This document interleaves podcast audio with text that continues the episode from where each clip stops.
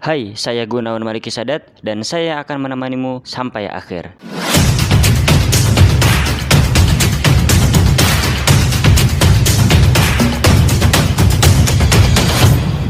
Balik lagi di JMS Podcast episode ke-54. Wow, udah 54 aja nih.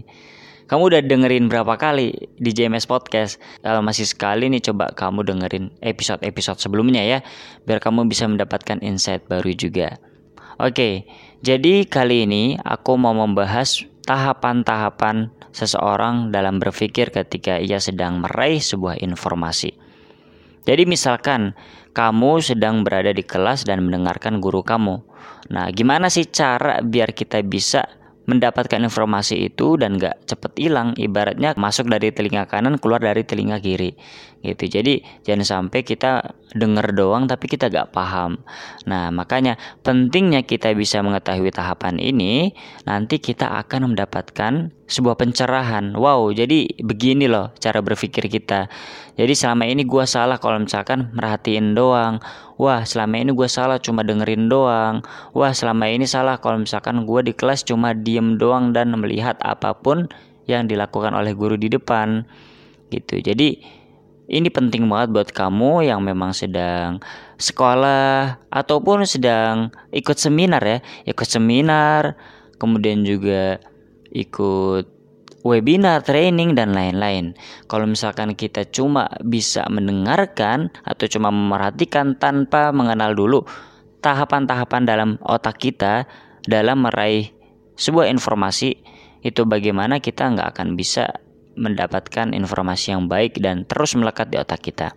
Nah, jadi sebenarnya simple banget ya, simple banget. Ini biasa juga dipelajari oleh anak-anak bisnis yaitu manajemen operasi yaitu input, proses, output. Oke, umum banget. Cuma di sini aku bakal jelasin input itu apa, proses itu apa, dan output itu apa. Nah, input jujur ini juga udah gampang banget. Input ya itu berarti masuk.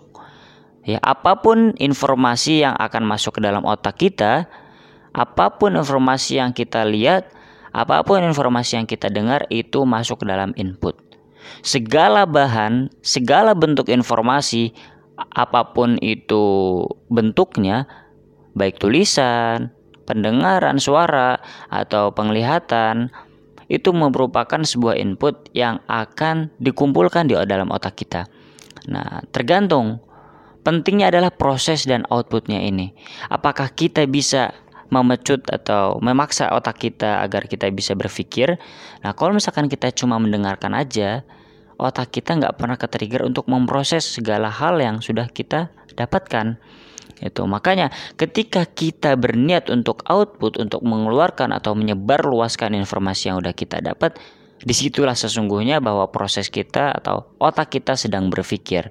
Yang mana ketika kita sudah meraih sebuah informasi kemudian kita proses kita saring kita telaah dulu mana informasi baik dan mana yang benar atau mungkin ketika kita sudah membaca buku kita mendengarkan orang lain berbicara kemudian kita samakan atau cocokkan atau tambahin dikit-dikit lah dengan pengalaman-pengalaman kita itu bisa menjadi lebih baik kemudian kita output gitu.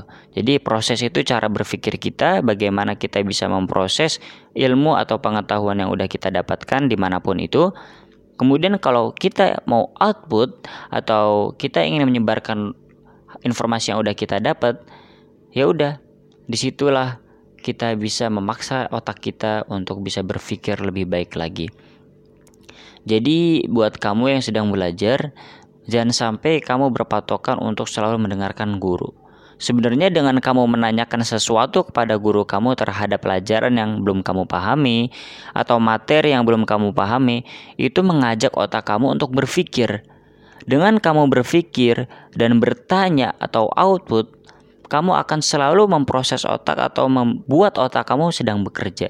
Makanya, sebenarnya orang yang bertanya itu adalah orang yang sedikit lebih paham daripada orang yang gak sama sekali bertanya gitu. Jadi kalau misalkan kamu nggak paham di kelas atau nggak paham materi bener-bener gak paham sampai kamu berpikir wah saking nggak pahamnya gue nggak ada pertanyaan. Coba kamu cari pertanyaannya.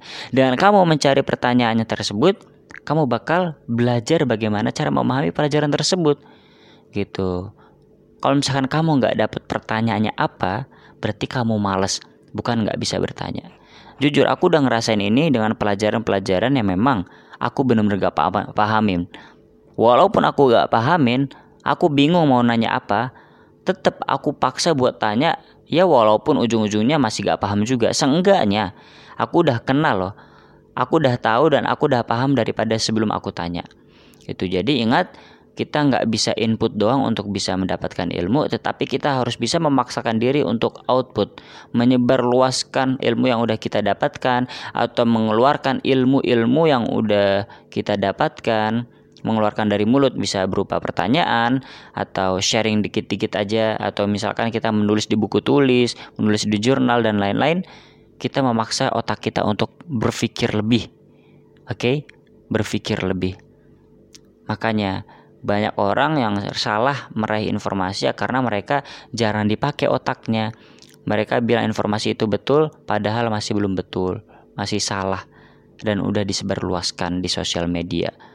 Oke, jangan kamu jadikan diri kamu atau otak kamu seperti itu ya. Mungkin cukup sampai ini aja. Semoga bermanfaat. Terima kasih yang udah mau dengerin podcast sampai ini. Salam semangat.